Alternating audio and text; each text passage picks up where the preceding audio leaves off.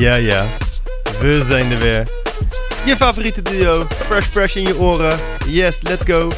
Mijn naam is eh, Ben Kremers. En eh, tegenover mij zit Sjoerd. Je bent er nog steeds gelukkig. En mijn homie, mijn broodski. Marvin Leter. Ja hoor, lekker zeg hé. Hey heren, fijn dat jullie er nog zijn. Ik eh, vond de vorige aflevering heel boeiend en interessant. We kunnen een paar mooie quotes uithalen, Sjoerd. Bedankt daarvoor. Maar zo ben jij natuurlijk gewoon. ja. hey Sjoerd, voordat we verder gaan, doen we even een, eh, een truth of dare. Daar komt ie. Pizza of pasta? Pasta. Truth of dare? Truth. Ja, de waarheid. Eh, een kus of een knuffel? Knuffel. Knuffel. Rotterdam, Amsterdam. Amsterdam. En je woont in Rotterdam. No doubt was dat, hè? Ja, No zo. doubt. Amsterdam. Ja, oké, nou dan wil ik zo even weten waarom. Eh, tien kinderen of geen kinderen? Geen kinderen. Leven eh, zonder films of leven zonder muziek? Leven zonder films. Veel talen spreken of met dieren kunnen praten? Met dieren kunnen praten. Sporten of gamen? Sporten. En tot slot, festival of concert? Festival. Festivalletje. Even Rotterdam of Amsterdam? Jij zegt, oh nee, bam, Amsterdam. Sowieso. Waarom? Aja oh ja, ik zit hier met twee Ajax-supporters. oh, mooi. Je bent nu in de, min- eh, de meerderheid. Ja, ik ben sowieso in de meerderheid, want dat zijn meer supporters, voor zijn meer supporters van Ajax. Ja, de lekker. Maar daarom klikt het meteen, Oh, toch? kijk, ze deze box geven aan elkaar. Een beetje eng dit allemaal, hè? Ja, Ja, ja, ja. Ja, ik wilde, ik wilde er echt niet over beginnen, want eh, ik vind jullie echt irritant nu, jongen. Dus we kijken komend seizoen weer. Ja, we gaan... eh, maar- Geniet ervan, zou ik zeggen. Ja, dat vind ik, maar ik, ik, ik wil wel oprecht zeggen. En dat is denk ik wat mensen vaak eh, vergeten. Zonder Ajax geen Feyenoord en zonder Feyenoord geen Ajax. Dat. En Ja. ik denk dat we dat eh, een beetje meer op de agenda moeten gaan zetten. Dat we elkaar als clubs nodig hebben eh, om er te zijn. En eh, om mooie eh adviesjes eh, neer te leggen op de mat. eh, qua sfeer en qua beleving. Eh, dus ik denk alleen maar goed dat we er allemaal zijn. En eh, weet je, ja, ik heb geen, eh, geen haat. Ik heb alleen maar liefde voor mijn eigen club.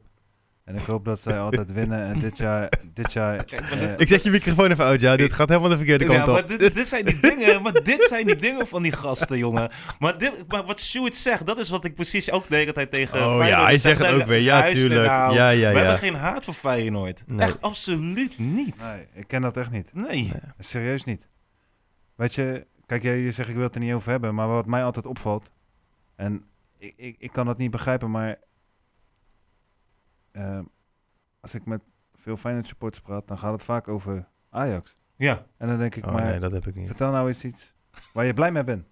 Nou, met je- het landskampioenschap. Ja, Ja. Maar nu wel, Ja. maar ik bedoel, zelfs dat, als het kampioenschap er is, gaat het bij veel mensen waar ik mee spreek over Ja, wat Ajax in niet heeft. Amsterdam. Ja, dat. En dan denk ik, ja, hè, hoe dan? Ja, maar Dat, begrijp ik niet. Ja, dat weet ik niet. Dan moeten we een keertje een paar Feyenoord supporters hier neerzetten. Ja, Dat, eh, maar, dat is, maar dat is denk ik wel een interessante. En dan wel mensen die gewoon normaal zijn. Ja. Die niet gelijk met stenen gegooid naar mijn auto. dat, dat zou wel interessant zijn, denk ik. Om eens te kijken van, weet je, hoe kan je nou de liefde voor het voetbal laten leiden... Ja. in plaats van de haat voor een ander? Ja, maar dat is... Heeft dat ook met intelligentie te maken van bepaalde Weet ik mensen? niet. Ik denk echt Eh, dat maar het- daar wil ik wegblijven eigenlijk. Nee, maar dat is een vraag, hè? Heeft Want het te ook maken in met... eh, Amsterdam lopen dombo's die ik Ja. het liefst eh nekschot... Ge- oh, sorry. Ik, denk, ik, denk, ik, denk dat het ook, de- ik denk ook dat het de pijn is bij de club. Want ik meen het echt. Ik zei dat een keer tegen jullie. Jullie zeiden, dachten echt dat ik eh, onzin uitkraamde. Maar als je in de arena komt, wordt er 9 van de 10 keer niet over Feyenoord gesproken, bro. Helemaal niet. En ook niet uit haat of uit boosheid. Of, nee, dan, hebben ze, dan zeggen ze van nee. Hey, kak- ze noemen het wel kakkelakken. Ja. Ja, eh, oké, die kakkelakken staan derde. Oké, oké, dan zijn we klaar. Dan is Ja. het klaar. Het is niet van, oh, ze staan eerste en ik kan niet slapen. Oh mijn god. En, eh, nee man, hey, ze zijn kampioen. Tof voor ze man. Maar zijn jullie dan het stereotype Ajaxide? Ik denk Jullie? het wel. Ja? Ja. Ik weet niet wat dat is, man. Want ik vind dat, dat vind ik wel, als ik eh, eh, in de arena kom, dan eh, merk ik wel dat er een heel groot verschil is tussen eh, ook gewoon een gedeelte tokkies, een gedeelte kak, een gedeelte toerist. Weet je, de doelgroep is ook anders. Ja, nee. Welk vak zit je dan? Eh, ik zit vaak eh, via 20, 24. Oké. richting het uitvak, zeg maar. Ja. Ja. Nou ja, ik, moet, eh, ik kan alleen namens mezelf praten. Ik, eh, eh, ik ben niet iemand die met... heel veel mensen zeggen 020. Die nemen het woord Amsterdam bijvoorbeeld niet in hun Ja, mond. crazy. Ja, dat doe ik wel gewoon. Bij mij, eh, ik ben een, eh, echt een Feyenoorder. eh, vanaf mijn jongste jaren al eigenlijk. En eh, ik, moet je, ik had het laatst met mijn broertje over. Mijn broertje dus, die is, die is, uh, Ajaxiet. die is Ajaxiet Ja. inderdaad, ja. Marvin heet hij toch? Ja, Marvin inderdaad, ja. ja. Mooie naam. Eh, nee, die is echt, maar die is echt fel ook. eh, die, die heeft dat wel. Maar zijn, zijn schoonvader bijvoorbeeld is dan voor, voor Feyenoord een hele, hele fanatieke Feyenoorder. Dus ja, dat gaat af en toe wel best wel eens hard tegen hard. En eh, of ze zien elkaar, of ze ontzien elkaar een beetje, of reageren niet in bepaalde apps. En eh, ja, zijn schoonvader zegt bijvoorbeeld ook eh 020 en geen Oh, eh? Amsterdam. Of die komt daar liever niet, of die zegt dan lelijke dingen. En Marv, mijn broertje, eh, ja, die heeft, die ook geen goed woord over voor Feyenoord. En ik zeg nou, wat ik nu ga zeggen is een beetje gevaarlijk, maar toen die tijd, toen Ajax Champions League speelde met Frenkie de Jong, met Matthijs de Ligt en dergelijke, met Ziyech. Ja, ik was wel tijdens die wedstrijd echt voor Ajax. Logisch. Want dat was echt tof voetbal. Dat was echt heel gaaf wat ze lieten zien. Ondanks dat ik gewoon Feyenoorder ben, ben ik ook gewoon liefhebber. Maar dus, misschien ben ik niet het eh, stereotype Feyenoord. Ik weet niet of je over een stereotype kan praten. Maar ik vond het echt wel goed. Maar ik merk wel aan mezelf, als Feyenoord tegen Ajax speelt... Ja, dan heb ik geen goed woord over voor de, voor de tegenpartij dan, zeg maar. Ja, maar is logisch toch? Dus, ik heb wel eh vrek in mijn nek van PSV. ja. Ja, echt. Oh, daar, daar, maar, Want? dat heeft, maar dat heeft met, weer met iets anders te maken, toch? En daarom zei ik van pijn. Ik heb vaker, sinds ik voetbal kijk, heb ik vaker PSV in de arena... Ah, ik zeg de pak slaag zien geven. Dat ik op een gegeven moment dacht van, ja, dag gasten, serieus. En dan, Ja. weet je, en dan kijk je heel anders naar zo'n club, toch? Dus ik denk dat het daar ook mee te maken heeft. Maar nogmaals, ik heb niks tegen Feyenoord, man. Als je moet kiezen, wie gun je meer de titel? PSV of Feyenoord? Feyenoord. Ja, ik eh, leg me daar... eh, Ik zeg ook, als ik, als ik moet kiezen tussen PSV en Ajax, dan kies ik ook voor Ajax voor de landstitel. Maar ja, dat heeft niet elke Ajax is daarmee eens, hè? Maar ik gun het Nee, ja, dat, dat maakt niet uit, joh. Ja. Maakt niet uit. Wij, zitten, wij geven onze eigen mening en eh, je mag het er mee eens zijn, je mag het er niet mee eens zijn. Kokju naar eh, Benfica. Ja, eer dat dit uitgezonden wordt inderdaad, dan eh hebt hij al een vaste basisplaats, denk ik. Maar je? eh, het is een hoop, hoop geld wat er naartoe gaat, ja. Ik denk het wel, ja. Ik weet, is het de juiste stap voor hem? Weet ik niet, ik vind hem niet zo'n denderende voetballer. Hij heeft zich wel goed ontwikkeld. Ja, zeker. Maar ik vind het geen topper. Mm, ja. Ik denk eh, dat je vooral ook moet kijken naar welke trainer er zit. De Roger Smit. ja, daar. die van PSV. Ja, en ik denk dat het spel van eh, Slot voor een gedeelte Overeenkomt met Roger Smit. Ja, zijn gedachten. Ja, Ja. ja. En als hij hem op dezelfde manier gaat inzetten, denk ik dat hij daarvan eh, waarde kan zijn. Maar het is toch grappig dat... ehm mogen we vijf minuten over voetbal Nou, nou, praten? nou, dat doen we al langer. Maar wacht, maar wel één dingetje toevoegen aan Benfica. Wie is heel goed bij Benfica? Die Arsnes van Feyenoord. Ja. Die is daar naartoe gaan en Kukshu ging zo goed spelen. Door, do- mede door hem. En nu gaan ze dus weer samen spelen. Dus ik denk dat het een wel overwogen maar het keuze is toch is. grappig dat Roger Smit zodanig werd tegengewerkt bij PSV. In plaats van dat hij gewoon goed voetbal gewoon op de mat legde. hè? Ja, werd hij tegengewerkt? Dat weet ik niet. Heb, je, heb jij PSV zo zien voetballen dan, zoals Benfica nu voetbalt? Nee, dat niet. Dat niet. Maar ik, en werd het gewaardeerd hier in Nederland, zijn, zijn, zijn opvattingen? Nee, nou, ik vond hem communicatief niet zo heel sterk. Maar waarom gaan ze dan nu met Peter Bos? Want dat is dezelfde, Gewoon dezelfde type trainer. Ja, precies. Ik Ik snap snap, daar dat niks niet. van. Ik snap daar echt niks van. Ja, Ik snap dat niet. nou ja, ik weet het ook niet. Want hij denkt vanuit pressie. Op het moment dat je balverlies leidt, gelijk pressie. Ja, Constante pressie. ja, En dat had Peter Bos ook, want toen haalden ze de Europa League finale in 2018. ja, Dat was dezelfde gedachte. ja. En toen eh, wilde hij dat bij PSV ook. Daar had hij in eerste instantie niet de spelers voor. Daar wilde hij spelers voor kopen. ja. Maar ja, daar kreeg hij de ruimte niet voor. Nee, klopt. En dat hij ook heel, heel erg veel met data werkt. Dat werd ook heel erg eh, soort van belachelijk gemaakt hier in Nederland. Dus ja, ik weet het niet hoor. En Peter Bos heeft inderdaad dezelfde opvattingen. Hij kijkt naar data en pas je in het team. En als je niet in een team past, moet je weggaan. Dus ik denk ook dat heel veel jongens bij PSV geslachtofferd worden. Waarvan ze nu denken van dat is een topper. Je moet, je moet niet raar op kijken dat hij op een gegeven moment aangeeft van Xavi Simons past niet in het team. Dat, want dat is ook een Peter Bos. Dat vond ik ook raar met, eh weet je jongen die nu bij PSV speelt. Eh, zo, El Ghazi. El Ghazi, die vond ik echt gewoon... Was voor mij Ja. toen de tijd gewoon een van de mannetjes hoor. Dat ik dacht van ja, jij Nou, hij heeft in. Engeland bij West Ham heeft hij het echt ook goed gedaan, Ja. volgens mij. eh was echt nice. Had ook regelmatig een basisplek. Maar hij heeft gewoon Ghazi eh, weggestuurd van eh, jij bent het niet hoor. Sorry. nou ja. En Bazoer, terug in de tijden. ja, maar Bazoer zit zelf nu bankje bij eh, wel- AZ. Vind ik wel een verhaal apart. Hoezo? ja, qua mentaal heb ik soms ook het idee gehad dat die jongen gewoon de weg kwijt is geweest. Ja, ja, En ja. daar ook niet altijd goed in begeleid is geweest. Of niet de begeleider was. Mhm. Dat kan ook nog. Ja. Weet je, dat kan natuurlijk ook. Maar als je kijkt naar het talent. Ja, die jongen die zat wel echt eh, op topniveau qua talent. Ja, En dan is het stukje mentaal 20%. Ja, dat, eh, ja. dat was die Hij had gewoon naar Feyenoord moeten gaan toen de tijd, Bazoer. Ik, ik denk dat dat nog een goede Ja, keuze was geweest. Ik denk dat daar minder geweest. van hem verwacht werd. En dat hij daardoor eh, betere stappen in zijn ontwikkeling Dat had denk ik echt. Ja, ja, Echt ja. wel, want de jongen kan heel goed voetballen. Maar ja, Oké, lekker over onderwijs inderdaad. Hey, eh, we hebben natuurlijk af en toe ook de rubriek Geef je mening. En eh, geef je mening over ouderbetrokkenheid. Haha, Zo. Aan wie mag ik het woord als eerste geven? was mijn afstudeerding. Sorry? was mijn afstudeerding. Ja? Ja. Ouderbetrokkenheid. Maar wil jij dan beginnen? Ja, wat wil je weten over oude betrokkenheid? Nou, geef je mening. Ja, maar hoe bedoel je mening? Geef je mening over ouderbetrokkenheid. Wat vind je daarvan? Op dit moment vind je dat er bijvoorbeeld heel veel ouders betrokken zijn. Nou, we hebben het over gehad dat iedere ouder betrokken is op zijn of haar eigen Mhm. manier. Eh, waar zie je dan in terug? Eh, vind je er iets van? Eh, Ja, maar oude betrokkenheid komt niet vanuit de ouders zelf. Oude betrokkenheid, als je het goed doet, moet, dat, wordt het aangeboden vanuit de school. En als ik nu even zo goed nadenk hoor, ik heb, ik heb Master Sen gedaan. Ja. En ik, had toen een module, ik had toen de module oude betrokkenheid uitgekozen. En ik vond het super interessant, omdat we toen de tijd nog bij ons op school met ouderavonden werkten. Ja. En met, tijdens ouderavonden eh, komt de ouder naar school en je vertelt wat, je, wat het kind wel goed doet of niet goed doet. Mhm. Maar meestal komt het initiatief vanuit de ouder en wil dan met de docent spreken waar het kind een onvoldoende voor staat. Ja. Dan ga je geen toffe dingen zeggen, want het kind staat een onvoldoende. Dus je hebt het alleen over verbeterpunten. Plus, ehm, wat ze ook zeiden, en daar was ik wel mee, mee eens, die spatie blijft alsnog van dat is school, wij zijn de ouders en school belt alleen maar voor slecht, slecht nieuws eigenlijk. Dus dan heb je geen oude betrokkenheid meer, dan is het ouders school zijnde.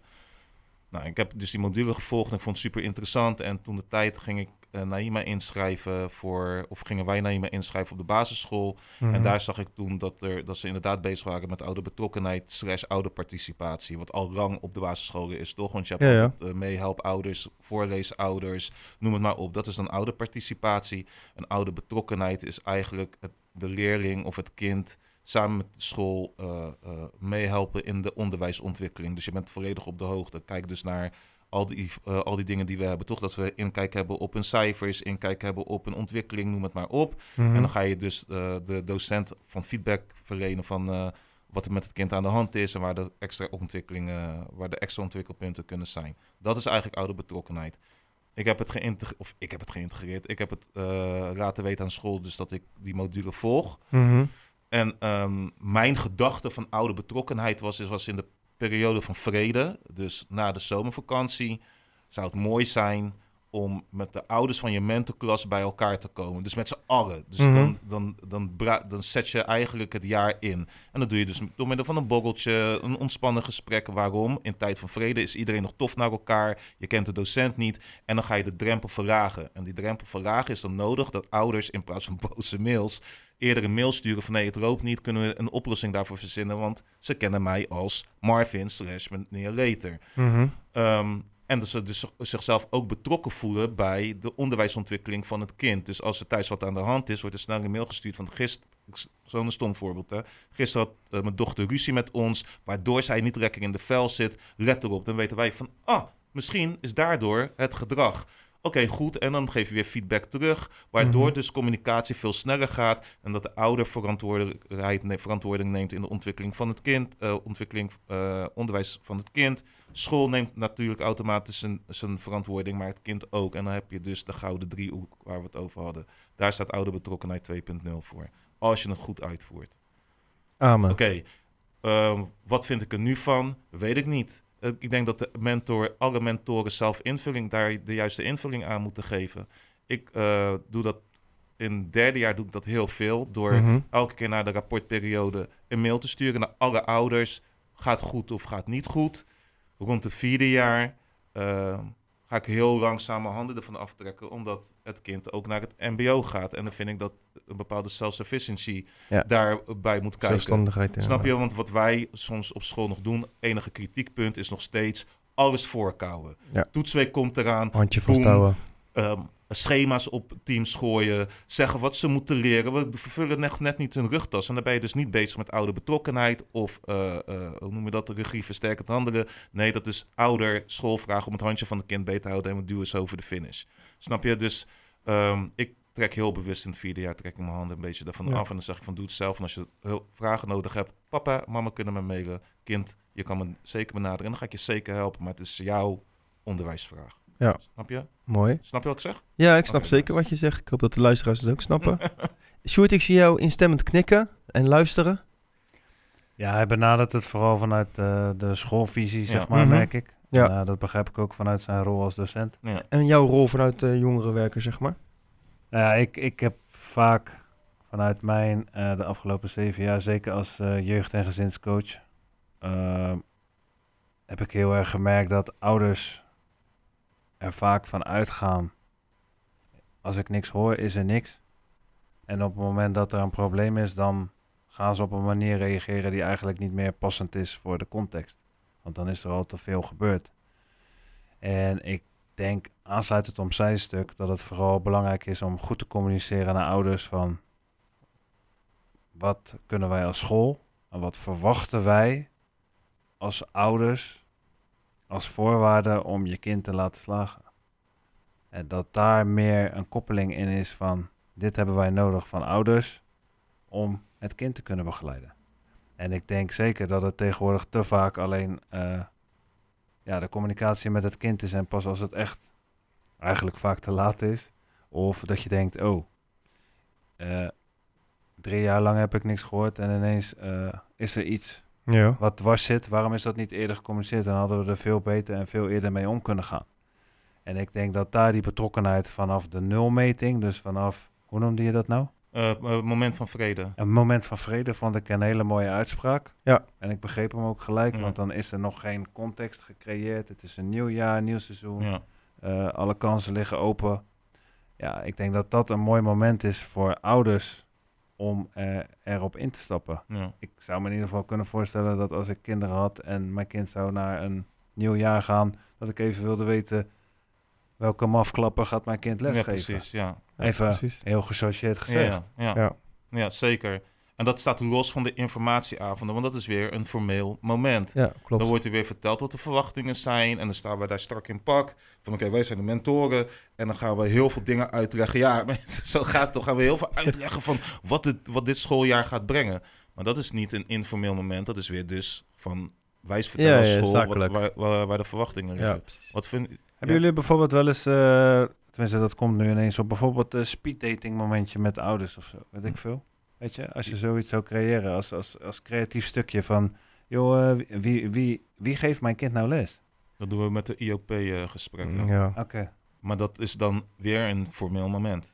Ja, maar dat bedoel ik. Weet hoe, je, maar hoe, hoe zie jij dat voor je dan, die speeddating? Nou ja, zoals speeddating over het algemeen gaat, dat je gewoon eh, de mensen uitnodigt en als ze niet komen, komen ze niet. Ja. Maar dan hebben ze in ieder geval de kans van even te vragen. Gewoon met alle docenten, dat ze dan alle docenten af kunnen gaan ja? om... Wie- eh, wie, wie ben jij nou eigenlijk? ja, dat vind En ik tof. eh, hey, ik, zie, ik zie jou, eh, wat doe je in het dagelijks leven, weet Ja, je? zo, Eh, inderdaad. wat houdt jou bezig? nice. Wat Zo, je bent, waarden? je bent al te breed. Ik wist helemaal niet dat je zo breed was, man.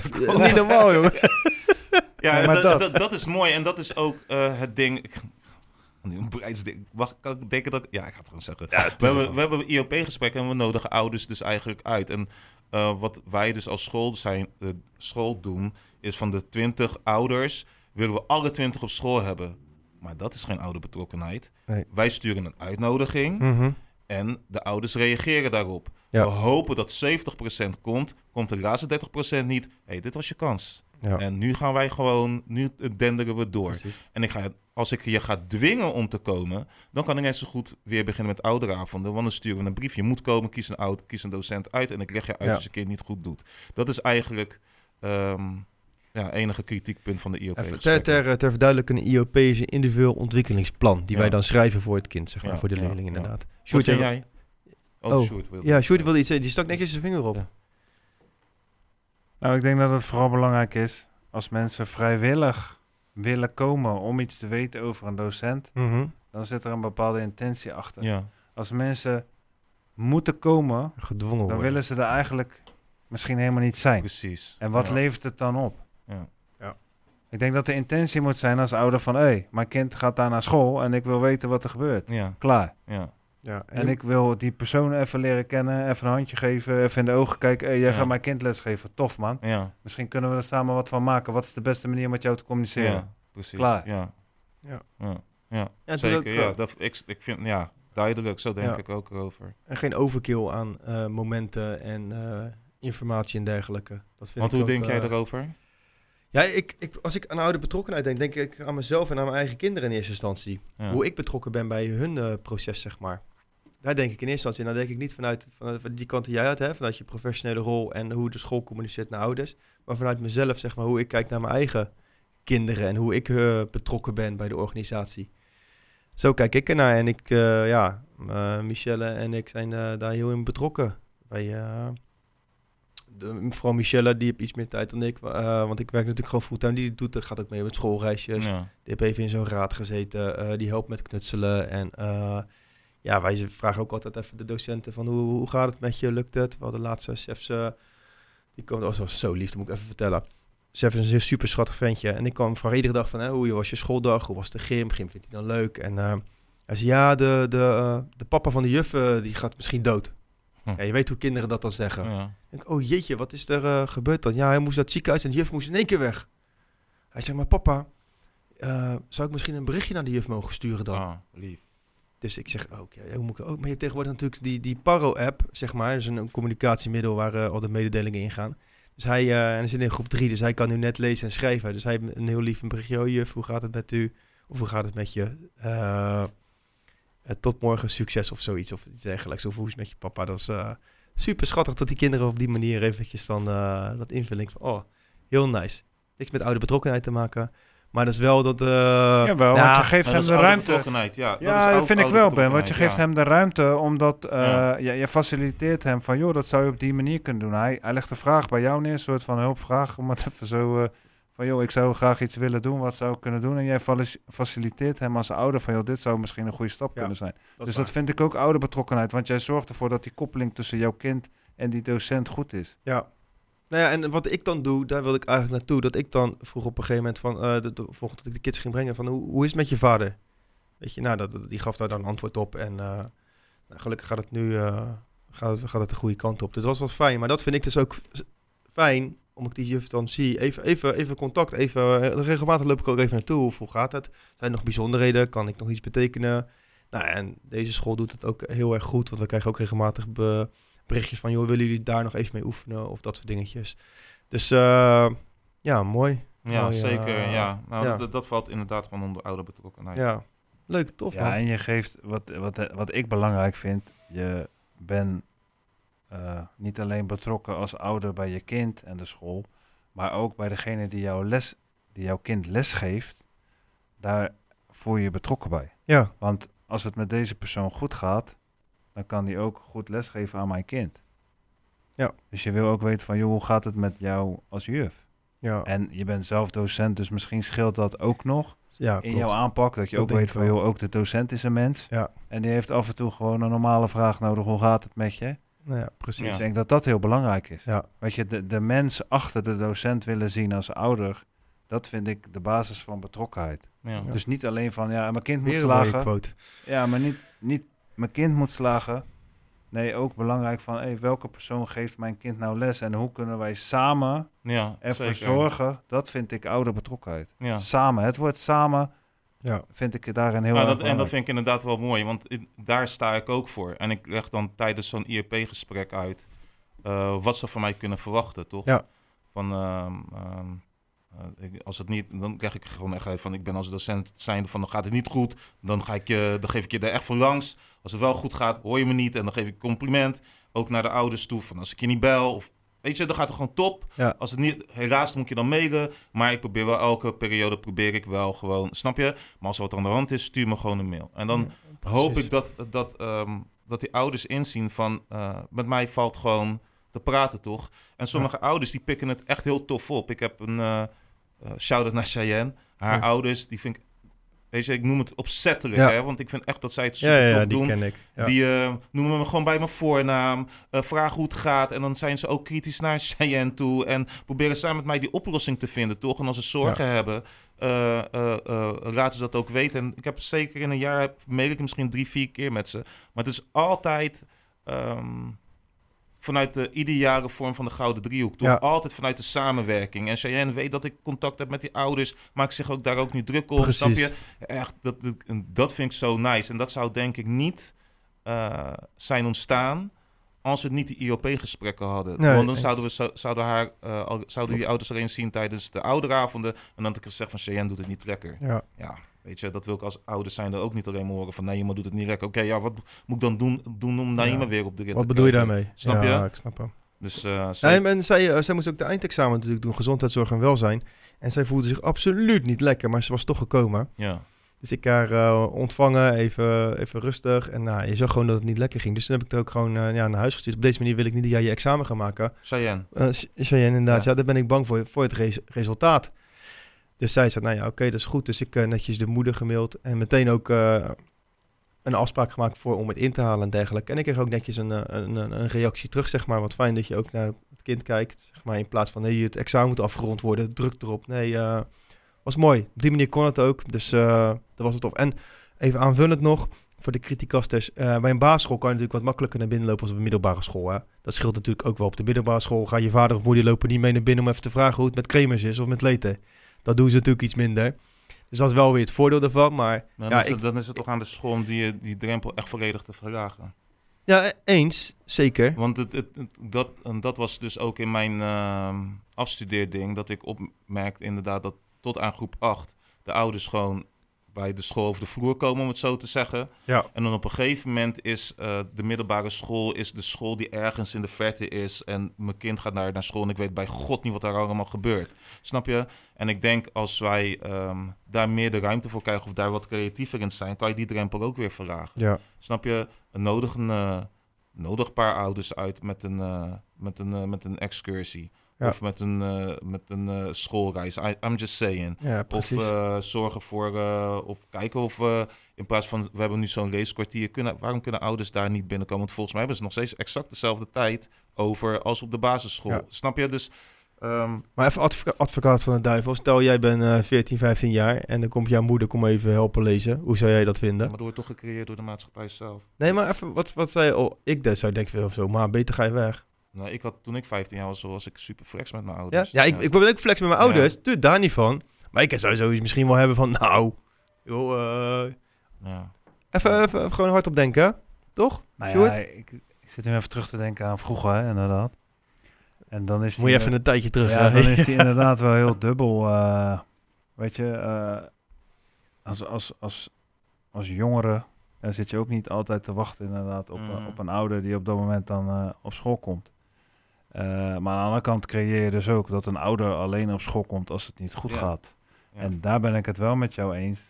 Ja, daar zou denk ik wel eh, naar gekeken kunnen worden. Hoe kan je bepaalde dingen organiseren waarbij ouders betrokken worden. ja. Ehm, en wat jongeren ook echt leuk vinden om dan met hun ouders te doen of te kunnen laten zien. Of, Maar schiet me nu ineens iets te binnen. Hè? Ja, we, mij hebben, ook. we hebben alle drie gevoetbald. Ja. En ehm, als een ouder naar school komt, heeft het direct een negatieve lading. Denk van, zo, hey, pa, ma, ga alsjeblieft weg. Mhm. Maar hoe blij waren we als onze vaders en moeders ons brachten naar de, naar, naar de uitwedstrijd? Mhm. En dat onze ouders langs het veld staan. En dat onze ouders in de kantine staan. Dat is gewoon ook dezelfde vorm van oude betrokkenheid. Ja. En dan is het weer geen probleem. Snap je? Dus ik denk echt dat het ermee te maken heeft van wat, wat doet de organisatie of de school... eh, hoe vul je dat in? Want met voetbal werd het gewoon hartstikke mooi ingevuld. Van komen je ouders... Je, je schaamde je eerst de, eerder... Dat had ik af en toe als mijn vader niet kwam. Want we hadden... Mijn broer speelde bij een andere vereniging. Dus zij moest wisselen. dacht van ja, man, jongen. Dus ik bij een andere vader in de auto. Ik wil gewoon dat mijn vader komt kijken. Snap Ja. je?